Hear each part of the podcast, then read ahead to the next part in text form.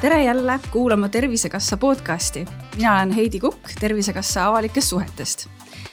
meie podcastis räägime ikka tervisest ja jagame soovitusi, kuidas enda ja oma lähedaste tervist hoida. sel aastal aga kuulame veelgi enam erinevate inimeste kogemusi ja arutame koos oma ala ekspertidega, et kuidas siis üks või teine konkreetsem tervisemure võiks kõige paremini lahenduse leida.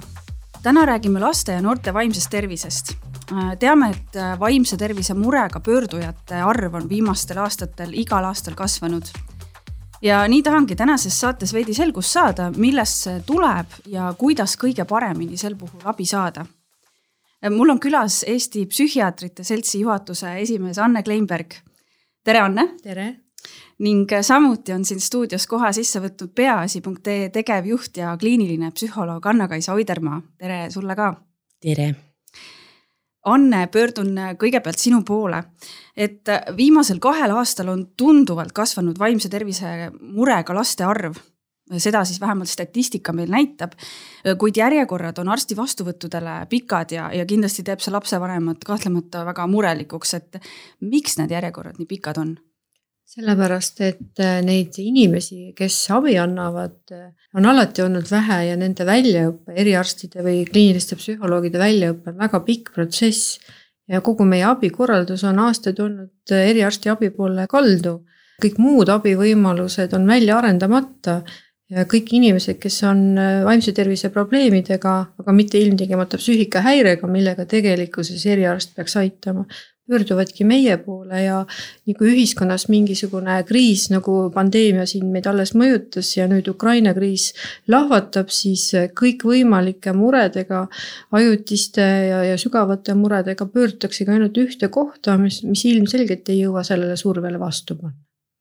kas sa saad mingid näited tuua näiteks, et, et see on see mure, millega võiks tegelikult pöörduda hoopis sinna? No näiteks, kui väikesed lapsed muretsevad mingisuguste asjade pärast, mis ühiskonnas toimuvad ja nende vanemad on mures, et nad ei tea, kuidas oma lapsega eakohaselt rääkida siis selleks võiks ju meil olla loendamatult perekeskuseid, kus lapse arengus äh,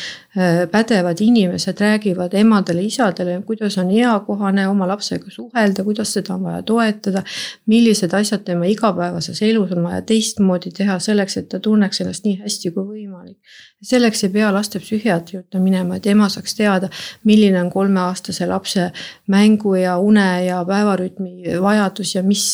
asjad on olulised ja mis võib näiteks tahaplaanile lükata, selleks et laps oleks õnnelik ja rahulik. see võib äh, siis, see spetsialist võib olla perearst isegi perearst ei pea see spetsialist olema, sest perearst tegelikkuses tegeleb ikkagi ka meditsiiniliste probleemide lahendamisega. perearstid on küll meil targad ja toredad, aga tegelikkuses peaks see olema ikkagi psühholoogi haridusega või nõustaja haridusega inimene, kellel on väljaõpe selles, et milline on lapse areng, millised on tema eakohased vajadused ja mida teha temaga siis, kui ta tunneb stressi ja mis võiks olla siis äh, see indikaator, et, äh, et nüüd on see moment, et peaks ikkagi eriarsti poole pöörduma? siis, kui probleem jääb pikalt püsima, kuusi ja on päevade lõikes äh, päris palju erinevaid sümptomeid häirival moel, igapäevast elu tõsiselt häirival moel ja püsivad ehk et kui see häire ei lähe ära, ehk et me ei saa öelda, et pärast seda, kui me oleme näiteks une ja päevarütmi korda teinud, ikka mure püsib, jah ja või, või arengus on mingid olulised ja kaalukad muutused. aga kohe, kui me oleme lapse elus midagi ümber korraldanud ja näha, et see annab tulemust, siis see räägib pigem sellest, et see on keskkond, mida peab korrigeerima. et see ei ole midagi sellist, kus on vaja arstlikke uuringuid või tõsiseid ravimeid või veel midagi väga niisugust keerulist. Eh, kui korra need perearstid veel mängu tuua et eh, kas, kas nemad võiksid olla vähemalt see lüli vahel, kes aitaks lapsevanemal filterdada, et, et et kelle poole, mis murega pöörduda? no kindlasti, esiteks on nad väga targad ja pühendunud inimesed, kes juba niikuinii on toodud sellesse protsessi ja nende teadmised lapse arengust on kindlasti väga head. ja ka sellest, mis on eluviiside mõttes kahjulik või, või kasulik, ehk et neid nõuandeid nad oskavad kindlasti anda ja oskavad ka kiiresti hinnata noh, kuhu suunda võiks minna ja loomulikult on neid vaja ka õpetada ja koolitada, et kõik seda sarnasel moel teaksid aga perearst on tõesti esimene niisugune käepärane lüli seni, kuni meil ei ole veel, veel võib-olla selliseid universaalsemaid ja lihtsamaid teenuseid nüüd lastepsühhiaatria alal on meil viimasel ajal ka selline, selline tore, tore abivahend nagu eh, e-konsultatsioon siis perearsti ja eriarsti vahel. mida see endast kujutab ja kas, kas see äh, saab ka siin kuidagi abiks olla? no see on praegu sisuliselt see eh, sõelumise viis ja kiire abi valikute tegemise viis, et see on noh, esimene, noh need viimased aastad on esimene võimalus ajaloos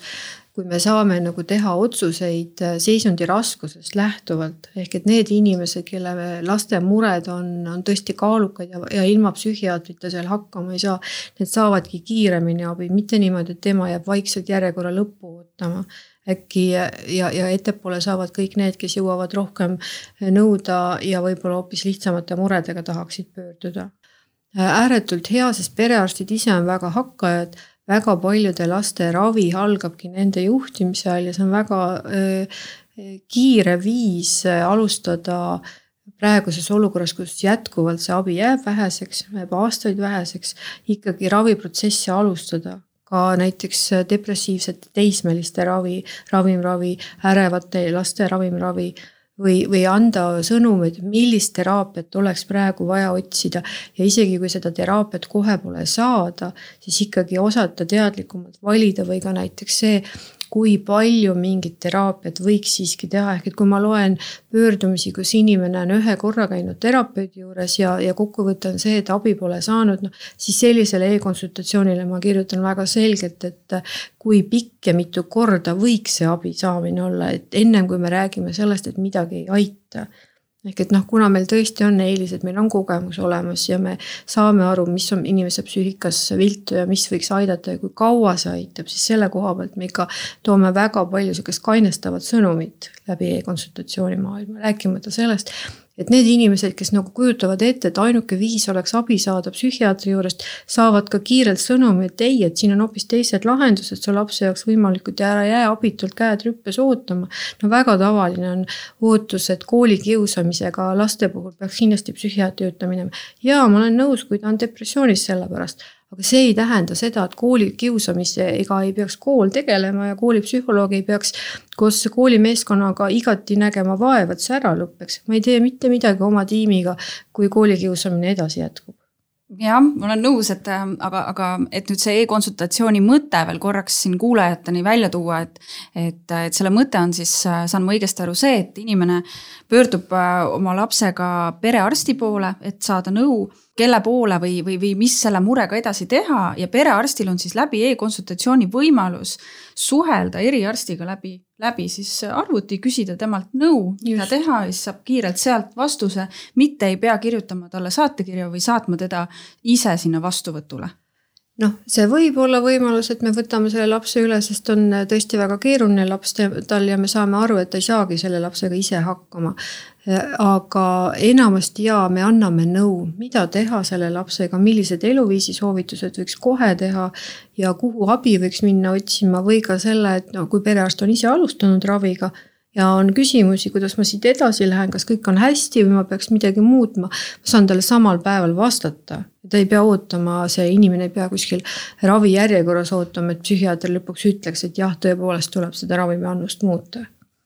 Et see on niisugune hea tööriist, mis äh, võiks äh, aidata lapsevanematel saada kiiremini ja lastel saada kiiremini abi, aga ka vähendades eriarstide töökoormust no praegu ta pigem vähendanud ei ole, sellepärast et äh, need pöördumised meie juurde on massilised ja, ja lastepsühhiaatrite töökoormus on üle võlli kõrge. aga kui mõelda niimoodi sisuliselt, et äh, ikkagi need, kellel on abi vaja, et noh, nemad saavad selle kiiremini ja tõhusamalt. et sellega me selles piiratud ressursi olukorras ikkagi parandame abi kättesaadavust, et selles mõttes töötab ta küll hästi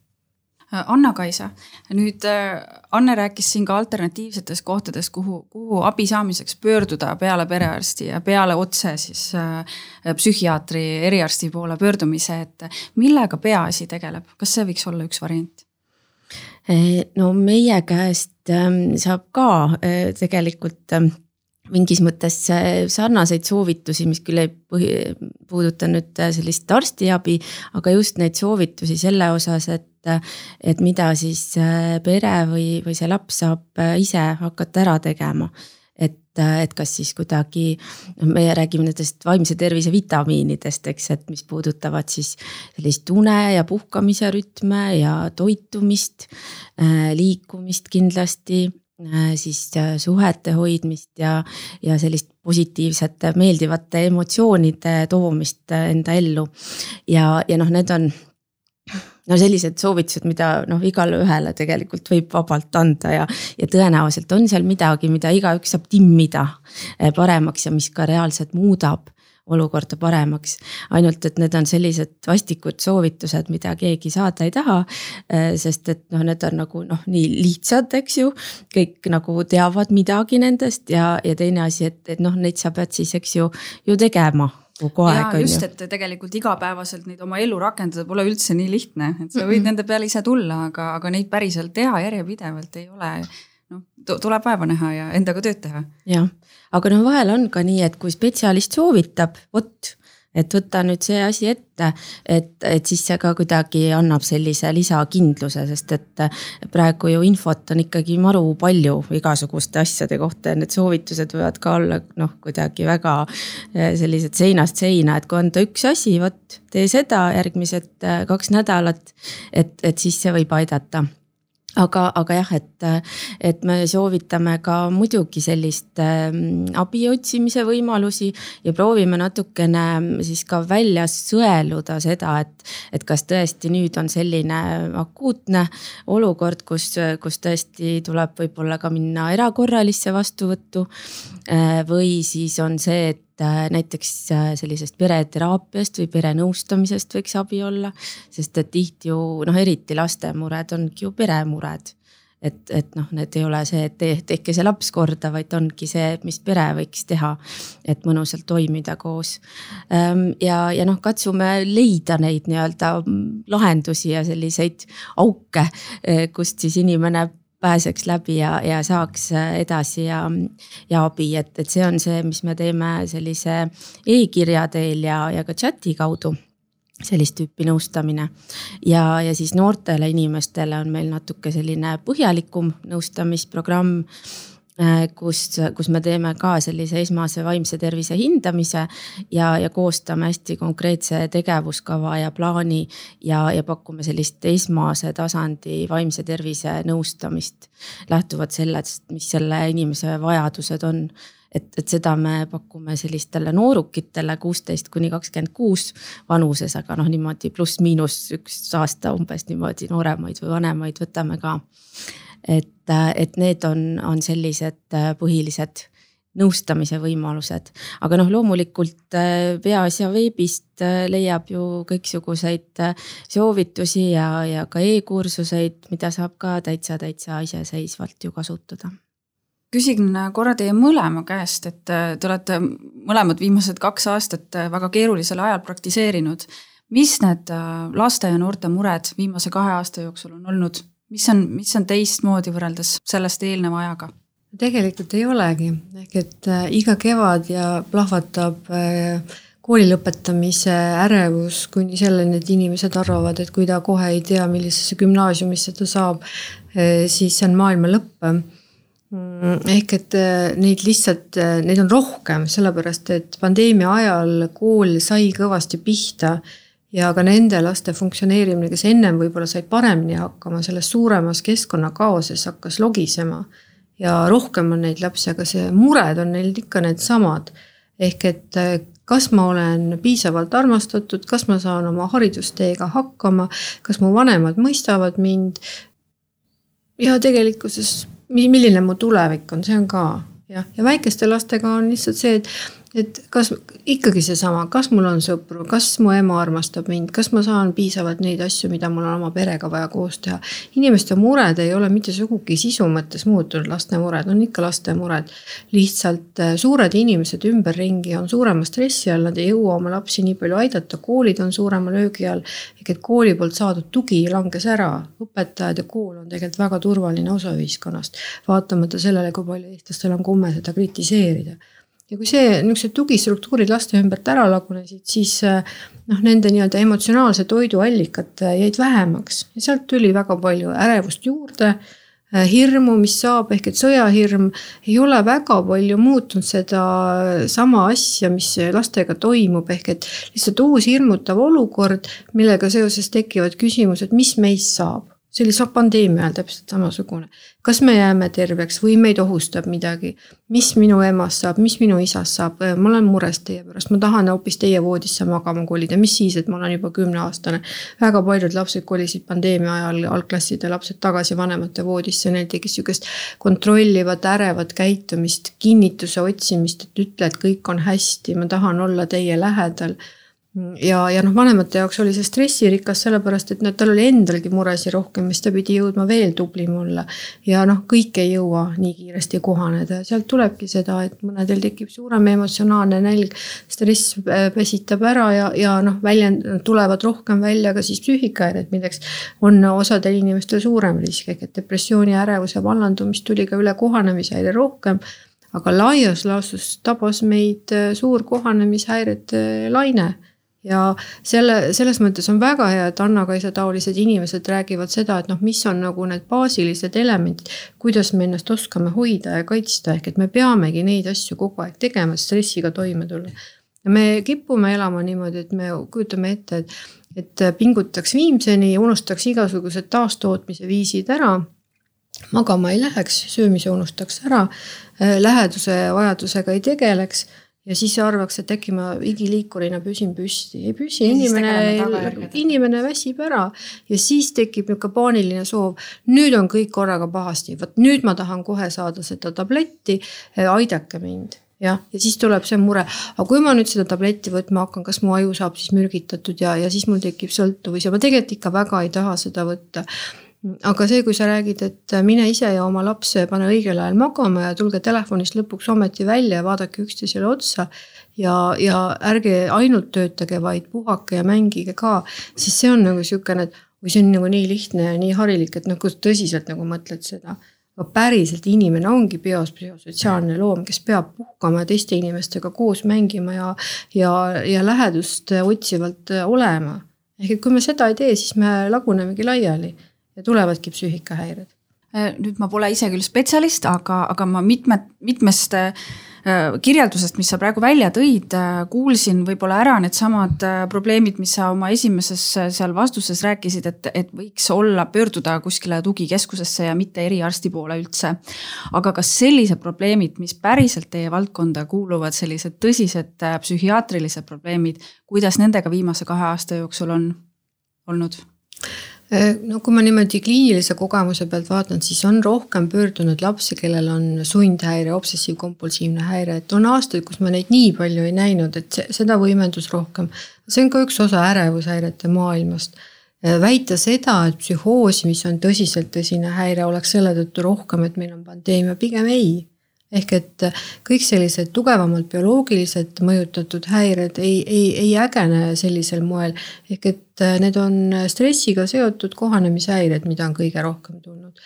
ehk et tõsised kaalukad häired pigem mitte, praegu on Eesti näiteks äh, autoagressiivsete noorukite äh, pandeemias võiks öelda, aga see algas palju ennem, kui pandeemia ise algas siin, ehk et see, et meil on väga palju lapsi üles kasvanud kehvade toimetulekuviisidega, stressiga toimetulekuks ja oskavad enda pinge allavõtmiseks endale ise ainult viga teha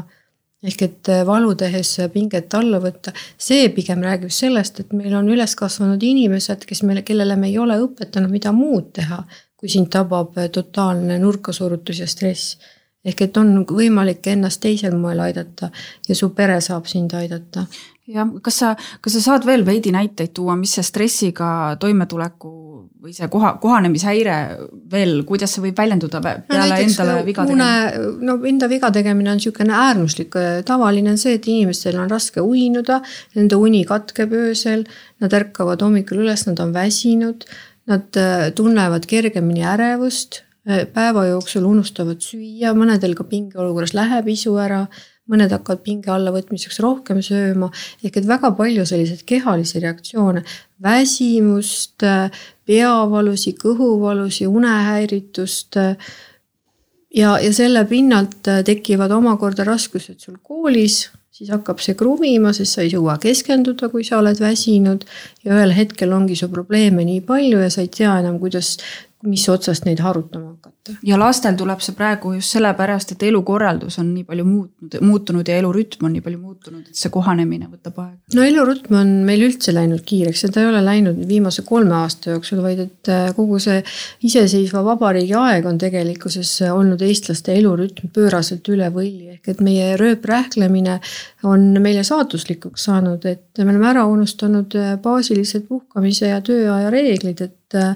me elamegi kogu aeg liiga kiiresti, infovoog on väga suur, see on laste jaoks väga laastav. täiskasvanud niikuinii ei käi sellest läbi, ehk et inimeste pead on täis kogu aeg mingisugust sibru-sabru. Nad ei suuda süveneda sellesse, mis on oluline ja teha päevas ja nädalas selliseid valikuid, et püsida terved.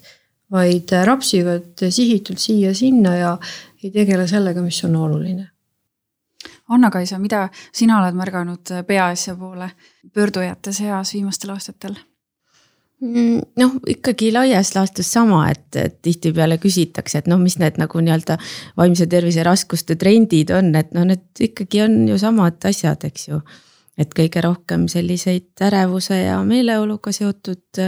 raskusi ja siis vähem selliseid raskemaid probleeme. aga, aga jah, et see on päris huvitav, et, et Äh, siis selle koroona alguses kuidagi võib-olla natuke isegi rohkem räägiti sellest, et kuidas vanemaealisi inimesi mõjutab äh, see pandeemia me olime nende pärast tohutult hirmul ja kartsime. ja et neid peab kuidagi kaitsma ja isegi võib-olla isoleerimise kaudu kaitsma. Äh, kuigi tegelikult olid ju väga palju rohkem mõjutatud noored inimesed ja lapsed, et seda juba ka need uuringud on näidanud püsivalt, eks, et vanematel inimestel vähem stressi sellest ja, ja see ikkagi noh, tõenäoliselt ju on ka selle, sellega seletatav, et, et laste elu muutus väga-väga palju äh, tõesti ja, ja selline rutiin ja stabiilsus, mida on väga-väga vaja, et seda jäi äh, liiga väheks. Äh, aga aga praegu nüüd selle äh, sõja puhkedes jällegi väga palju esimesena hakati sellest rääkima, et kuidas me lastega sõjast räägime, kuidas me nüüd lastele seletame, kuidas lapsed äh, saavad hakkama sellega või noored äh, siis, siis praegu need sellised küsitlused, väga napid, mis on olnud, näitavad täitsa jälle vastupidist trendi, et vanemad inimesed on oluliselt rohkem mures ja stressis ja noored vähem ja, ja seda ka praegu noh, meil äh, nõustamises või keskuses noh, päris vähe tuuakse välja tegelikult seda, et, et see sõja puhkemine oleks nüüd selline põhipõhjus, miks pöördutakse. et, äh, et see kuidagi on tagaplaanil, pigem võib-olla noored äh, kuidagi noh, kui nad mõtlevad enda tuleviku peale ja oma plaanide peale, mis nad tahavad teha. et see siis selline noh, nagu täielik selline noh ettemääramatuse tunne või see, et seal on nii palju sellist, mis jälle võib juhtuda või mingi järgmine probleem. Äh, sest et noorte jaoks on ju ka äh, kliimamuutuste teema väga oluline. et siis nad vaatavadki, et noh, mis me, mis see tulevik meile üldse toob, et kas tuleb mingi järgmine sõda, mingi järgmine pandeemia mis kliimaga toimub, kas ma üldse saan oma elu planeerida kümme aastat ette või, või kukub kõik kokku, et, et nagu sellist nagu meelsust või mõttekäiku ma olen kuulnud päris palju viimasel ajal kas, kas päris laste puhul mingisugune, on mingeid uuringuid ka, et ehm, kui me räägime nüüd koroona algusest ja tänaseni, et siis eh, kui paljusid lap-, kui paljud lapsed said sellise mingisuguse pikaajalise mõjutuse sellest esialgsest isolatsioonist ja sellest kõigest. ma olen kindel, et, et päris kõik lapsed eh, vaimse tervise mõttes ei olnud nii, nii, nii mõjutatud sellest kui mõned teised no Eesti uuringuid meil ju ei ole sellised, et me saaksime öelda, jah. ja, ja noh, kui ma, kui ma üldse mõtlen koroona ja pikaajaliste mõjutuste peale, siis ma pigem olen näinud äh, hädas äh, koroona seoses neid lapsi, kes on ta läbi põdenud sellisel moel, et nad on sellest saanud sellise äh, suure väsimuse ja keskendumisraskused, et noh, see on niisugune kõige ehedam seos koroonaga ja see on umbes samasugune seos, kui me näeme patsienti, kes on raskelt gripi läbi põdenud tegelikkuses, samamoodi mul on olnud või, või borrelioosi näiteks, ehk et kui inimene põeb läbi mingisuguse sügavalt keha tasakaalu mõjutava viirushaiguse, noh siis see võib äh, viia ta ka vaimselt tasakaalust välja just nimelt selle üle selle suure väsimuse ja, ja keskendumisraskuste. aga, aga muidu pigem ütleks, et inimest mõjutab see, mis on tema vahetu keskkond ja koolis, kool on laste vahetu keskkond ja tema pere on tema vahetu keskkond. ja kui seal on mingisugune kaos või rahutus, siis see mõjutab teda, ehk et Ukraina sõda jääb meist praegu ikkagi laste mõttest nii palju kaugemale meie ühiskond on praegu turvaline, et me suudame oma lastele selle turvareaalsuse tekitada. vanemad inimesed on elus reaalselt äh, kokku puutunud päriselt koledate asjadega, nad suudavad seda palju realistlikumalt ette kujutada. millised jamad tegelikkuses võivad kaasneda ja me, me oleme selle traumaga, et me oleme oma ühiskonna korda pidanud muutma ja õnneks saanud muuta ja meil on kõigil see vana mälestus olemas, nii et noh, pigem on jah, meil vanem põlvkond eh, oma kogemuse tõttu rohkem pinges, sest sa tegelikkuses tead, milline see kõik võib olla ja mille vastu sa peaksid seisma. et kriisid, kriisid on erinevad, et koroona mõjutas lapsi rohkem ja, ja see sõja, sõjaolukord praegu vanemaid rohkem, jah noh, ega siin ei tasu ka veel teha mingeid pikki järeldusi, ehk et meie vanem põlvkond on äh, tänu oma elukogemusele nii äh, selge mõistusega ja ei hakka iga pisiasja peale üldse reageerima, nii et noh, laias laastus võiks tuua hoopis selle üldistuse, et noorematel inimestel on vähem elukogemust, see on nagu täiesti loogiline. et kui me tahame neid tulevikuks ette valmistada, siis nende toimetulekuviiside õpetamine koolis, mingisuguste eluliste praktikate läbimõtlemine võiks neid mõnevõrra aidata, jah, aga vanemate inimeste puhul on pigem see, et noh, ta on elust õppinud selle, nad saavad aru, et noh, kõigega on võimalik lõppkokkuvõttes toime tulla ja tegelikult ongi. me oleme ühiskonnana selles hetkes, kus me oma kohanemisviisid tõepoolest peame üle vaatama, ehk et kümne aasta plaane võib-olla ei olegi väga arukas teha, aga et kuidas sa nüüd ja praegu kohaned. et selles mõttes jah, meid pannakse proovile, kuidas olla kiiremad, efektiivsemad ja paindlikumad. kui lapsel on nüüd tekkinud see pikaajalisem selline keskendumisraskused ja unehäired ja mis te, mis te välja tõite, äh, siis kuidas, kuidas saab lapsevanem teda aidata taastuda sellest, sellest vanast rütmist tekkinud äh, häiretest? No ikkagi stiimulite hulga ülevaatamisega, näiteks seesama, et praegu on ka maikuu ja lapsed on koolist taaskord väsinud ja väga rahutud ja, ja otsitakse võimalusi, et kuidas kiiresti-kiiresti teda ravida. siis esimene soovitus on see, et vaata üle, mis mahus ta päeva jooksul millega tegeleb kust annab järgi võtta, kust annab puhkamise aega juurde võtta, kuni sinnamaani, et kui sul koolis on võimalik teha oma lapsele puhkepäev ja rääkida see õpetajatega läbi ehk et seda stressi, mida ta seal kogeb lärmi või, või, või mingi muu asjaga seoses, et seda vähendada, et sellised lihtsad loomulikud asjad pingekohti vähemaks võtta, see on esimene asi. rääkimata sellest, et noh, magama tulekski oma lapsed õigel ajal saata, kui sa ise uinud äh, oma lastest varem ja lapsed jäävad sul, mudilased ja algklassi lapsed jäävad maja mööda ringi mudima ja uinuvad seal, kus nad parasjagu uinuvad, siis noh, ilmselgelt on väsinud et rutiinid, rutiinid ja veel kord rutiinid kõikide laste elus jah, et, et noh, ka tõesti see millegi toreda ettevõtmine, see on muidugi kõige lihtsam asi, et. et see on nagu selline ka noh, mingi nagu naljakalt lihtne soovitus, et mängi viisteist minutit päevas oma lapsega. nii et laps saab ise valida seda mängu, ta saab ise juhtida seda mängu, ta saab kuidagi vedada äh, seda mänguolukorda, et, et noh, tõesti viisteist minutit ei ole mingi pikk aeg, aga jällegi on leitud, et võib väga suure mõjuga olla. ja, ja noh, mis siin salata, ega see võib endale ka vahva olla, kui natuke seda harjutada mängimist jälle meelde tuletada. et selliseid mõnusaid, lõbusaid asju natukene juurde eh, panna ellu siis, eh, kui võtta need pingelisemaid asju vähemaks ja rutiinid korda ja midagi mõnusat juurde panna, et, et kuidagi see võiks olla päris hea lähenemine juba mäng on nagu hullult alaväärtustatud asi inimeste elus. see on väikeste laste töö ja suurte inimeste puhkamise viis ja kokkuvõttes see on midagi, mida me peame väga üleval ja elus hoidma. sealt me saame puhta rõõmu ja naudingu ja kontakti ja see on see, millega inimesed üksteist vastastikku laevad ehk et see peaks olema meil täpselt sama püha rutiin nagu söömine või, või eestlastel, ma ei tea, mida iganes, kartulipanek või äh, aia riisumine või autode pesemine, et noh, mäng peaks olema äh, kroonijuveelina kõigest sellest argipäeva rähklemisest üleval. see on midagi, mida peab rõõmu ja naudinguga tegema. peab sõna võiks siit välja võtta, aga põhimõtteliselt see on nagu püha asi see tuleb taastada, meil on nii palju lapsi ja vanemaid, kes ei tea, mismoodi mängida ja kuidas rõõmus koos olla jah, ja kui, kui laste puhul on, on mäng oluline, siis noorte puhul ilmselt äh, äh, peaks lihtsalt oma aega pühendama rohkem äh, oma, oma noorele, kes, kes, kes seal perel, peres kasvab ja temaga koos asju tegema, jah no noored tahavad ju ka mängida, kuigi, kuigi muidugi, eks ju, noored inimesed võib-olla eelistavad oma sõprade seltskonda. aga noh, seda enam siis teismeliste vanemad võivad mõelda, et kuidas nagu siis ka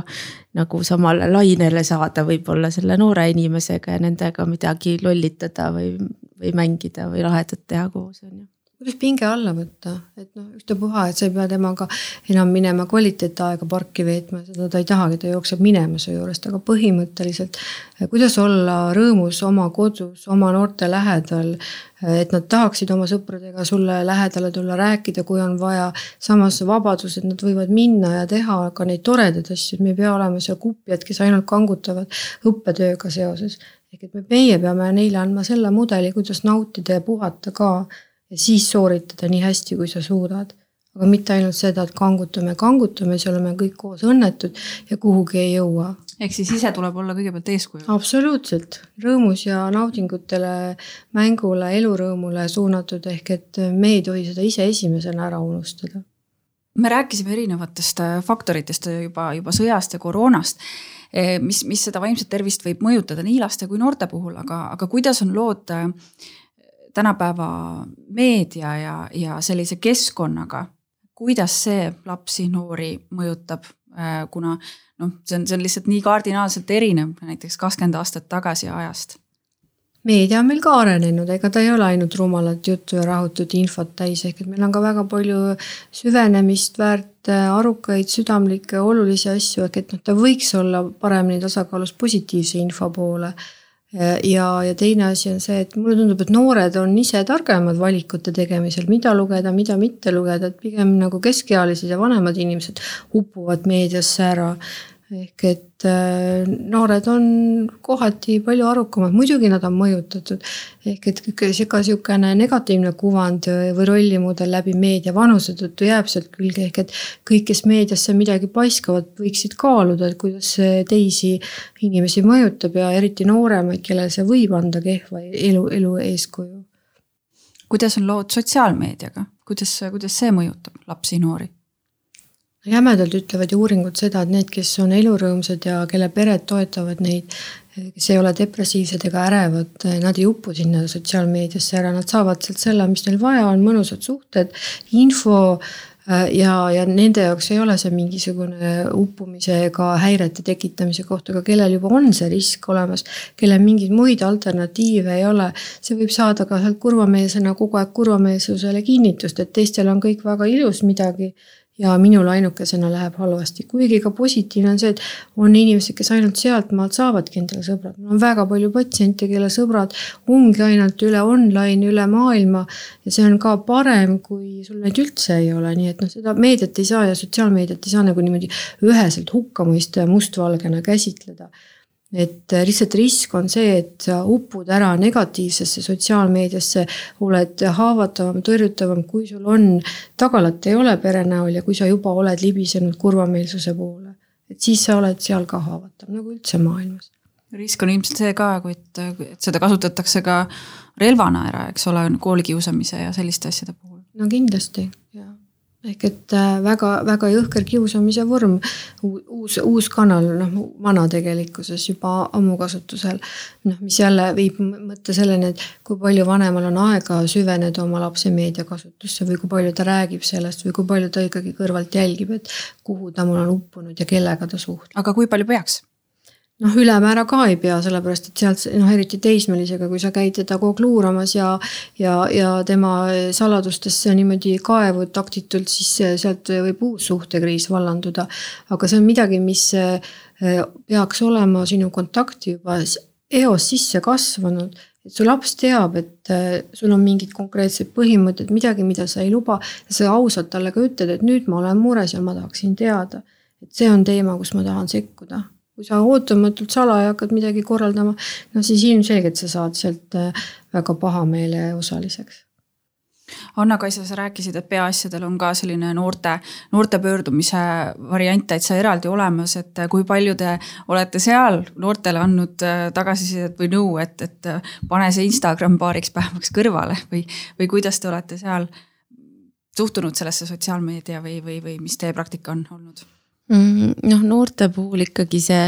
nii-öelda sotsiaalmeedia või, või veebis toimuv äh, ei ole väga nagu mingisugune virtuaalelu, et see ongi nende jaoks noh, nagu päris elu, on ju. et seda ma arvan, et peab hästi mõistma noortega vesteldes, et, et, et selline soovitus, et noh, tee päris asju ka või tule päris ellu tagasi. et, et see nende jaoks tegelikult vist ei oma päris tähendust, sest nende jaoks ongi päris elust vähemalt mingi osa toimubki seal, eks ju. ja ja, ja noh, selles mõttes ma olen väga nõus Annega, et, et, et inimesed, noored inimesed on jube targad ja nad teavad ise ja võib-olla mõni toob ise välja, et vot, et. et noh, võib-olla ma võiks nagu vähem, eks ju, seal äh, jälgida, mis toimub pidevalt, on ju. aga, aga pigem äh, ma ütleks, et, et noh, väga paljud on, on ise teadlikud ja, ja kuidagi see ei ole selline põhiprobleem küll nende inimeste puhul vähemalt, kes kes meie poole pöörduvad.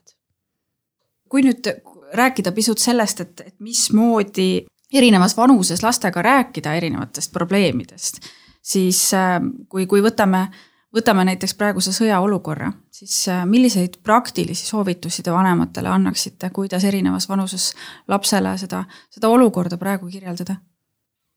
Lastega rääkimise esimene praktiline soovitus on see, et temaga tuleb rääkida siis, kui tema küsib su käest ja tal on huvi selle asja vastu ja nii pikalt, kui see huvi tal püsib. ehk et ise neid üle voolutada niimoodi programmiliselt, et täna me peame rääkima sõjast või täna me peame rääkima seksist, et see nagu ei toimi, ehk et kui inimesel on huvi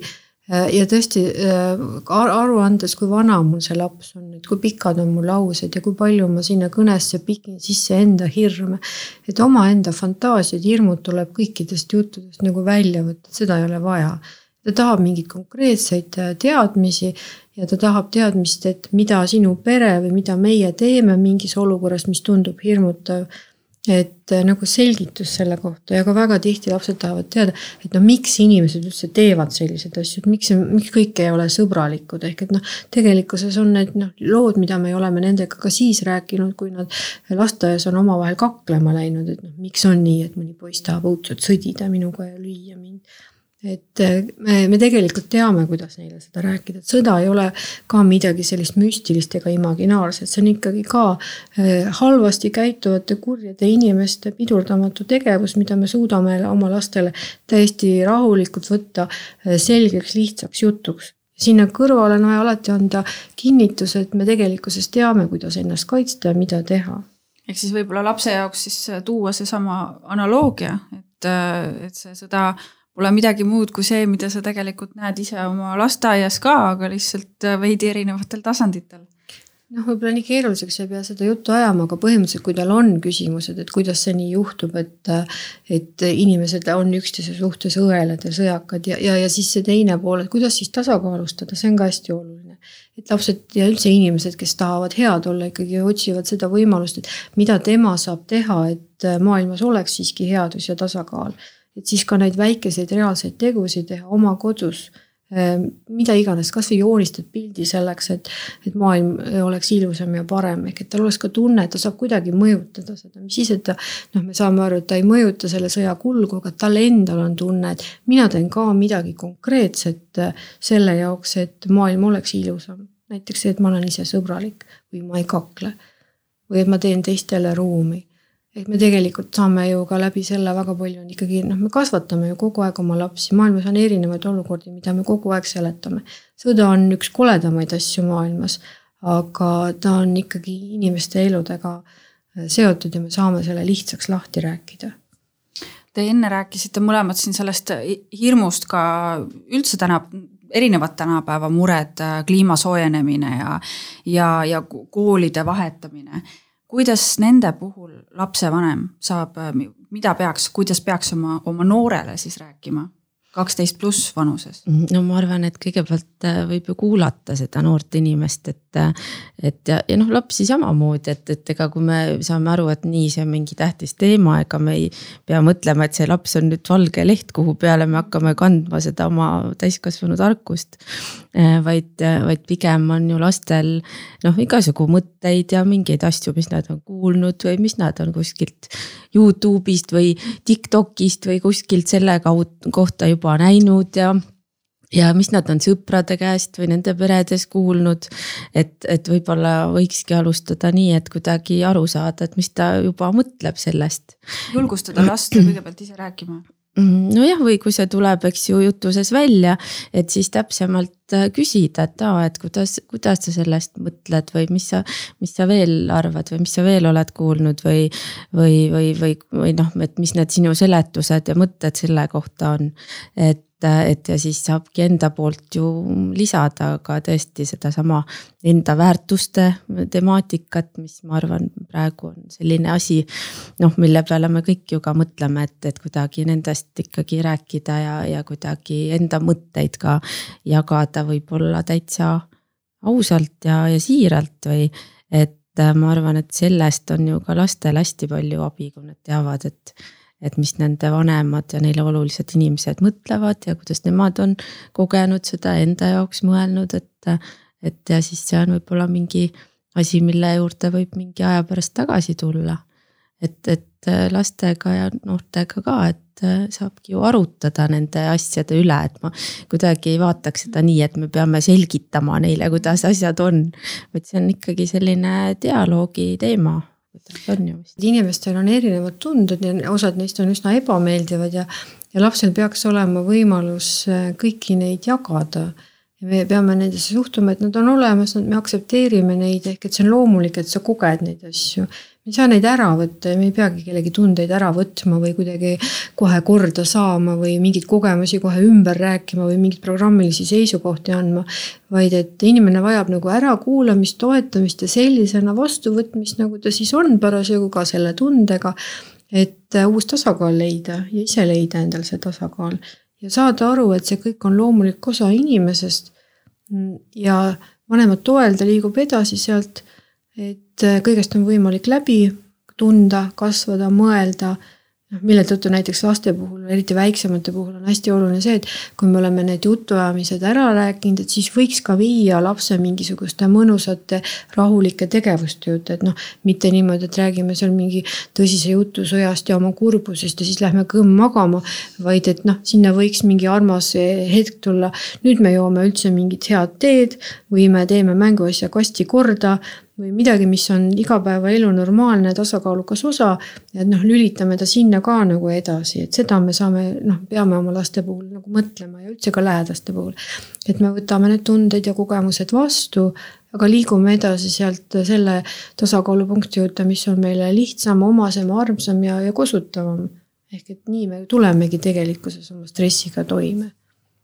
jah, ja, ja lapsevanemad ka ei pea ju alati sada protsenti nüüd varjama seda, et kui neil on endal hirm või neil on endal väga kurb, et, et pigem võiks ju seda võtta ka kui sellist võimalust rääkida selle üle, et kuidas me tuleme nende tunnetega siis toime ja, ja tõesti, et ma võib-olla küll olen väga-väga hirmul. aga, aga ma nüüd mõtlen läbi, et mis ma teha saan, et kas seda hirmu maha võtta või, või maailma paremaks kuidagi muuta läbi enda käitumise, et. et just see, kui vanemad ka varjavad enda tundeid enda meelest väga hästi laste eest mm, siis tegelikult lapsed teavad väga hästi, et midagi toimub. Ja see teeb neid päris ärevaks ja paneb võib-olla ka käituma sellisel viisil, nagu me ei sooviks. nii et, et ka see aspekt on tähtis, et, et vanemad ka, ka enda olukorrast natukene valgustaks lapsi ja võib-olla ka ise, ise, ise tegeleks oma probleemidega ja otsiks abi, kui, kui tarvis. no loomulikult jah, aga, aga et see ongi selline võimalus siis ka võib-olla lapse jaoks siis kuidagi nagu enda peas see ka selgemaks mõelda ja, ja läbi mõelda ja teha selliseks, nagu me tahame, et, et see on, eks ju, see käitumine ma küsin siin lõpetuseks veel pigem, pigem juba noorte või teismeliste kohta, et, et ega kodu pole ainuke koht, kus nad infot saavad, eks ju, infot tuleb meediast, tuleb koolist, igalt poolt ja see võib juhtuda, et, et, et see noor äh, kujundab endale arvamuse, mis on kardinaalselt mingist konkreetsest teemast, olgu see sõda või pandeemia või, või kliima soojenemine, hoopis teine kui lapsevanemal. mida sellises olukorras teha või, või kuidas, kuidas käituda? No ikkagi aktsepteerivalt, et noh, mõnes mõttes see on ju äge, et tal on oma mõistus ja tal on oma seisukohad. et me olemegi partnerid selles dialoogis, kogu oma laste kasvamise me tegelikkuses kuulame ja arutame. ja mida rahulikumalt me neid kuulame, seda rahulikumalt kuulavad nad meie võib-olla teistsugust seisukohta ja kui me läheme sealt aruteluga edasi, kaalume mõlema mõtteid, siis äh, pigem juhtub see, et kui on vaja, et ta oma mõtted koordine-, korrigeerib, et see juhtub et äh, ainult sellises aktsepteerivas dialoogis. aga kui sa asud eriti teismelisega niimoodi nagu vaidlustama ja ründama, siis on kindel, et ta mõtleb selle veelgi opositsioonilisemaks sinu tõest. Ja kindlasti ei toimu mingisugust faasinihet ega arengut, nii et äh, ikkagi me oleme oma lastele toetavad, arukad, äh, emotsionaalselt kättesaadavad teekonna partnerid me aitame neil suureks kasvada, aga meie ei pea neid kuidagi äh, säädistama või nende mõtlemist või tundeid üle võtma. kohutavalt palju kannatlikkust on teinekord seal vaja siis ka, eks ju, ja teadlikult mõeldagi, et ma nüüd proovin jääda kannatlikuks ja, ja ei hakka, eks ju, vastu sõdima sellele, millega ma kohe nõus ei ole, et proovin teada saada, miks ta nii mõtleb. ja, ja kuidas ta on selleni jõudnud ja kuidagi huviga suhtun sellesse, et siis võib-olla saab ühist keelt leida kergemini, aga kannatlikkust on vist õudselt palju no, muidugi vaja. sa pead alati mõtlema, et kas sa ise muutud lapseks Mm. hakkad seal jonnima ja trotsima, kui sa midagi sellist teed, siis sa ei ole enam ju vanem, siis sa oled keegi, kes on samasugune mudilane seal.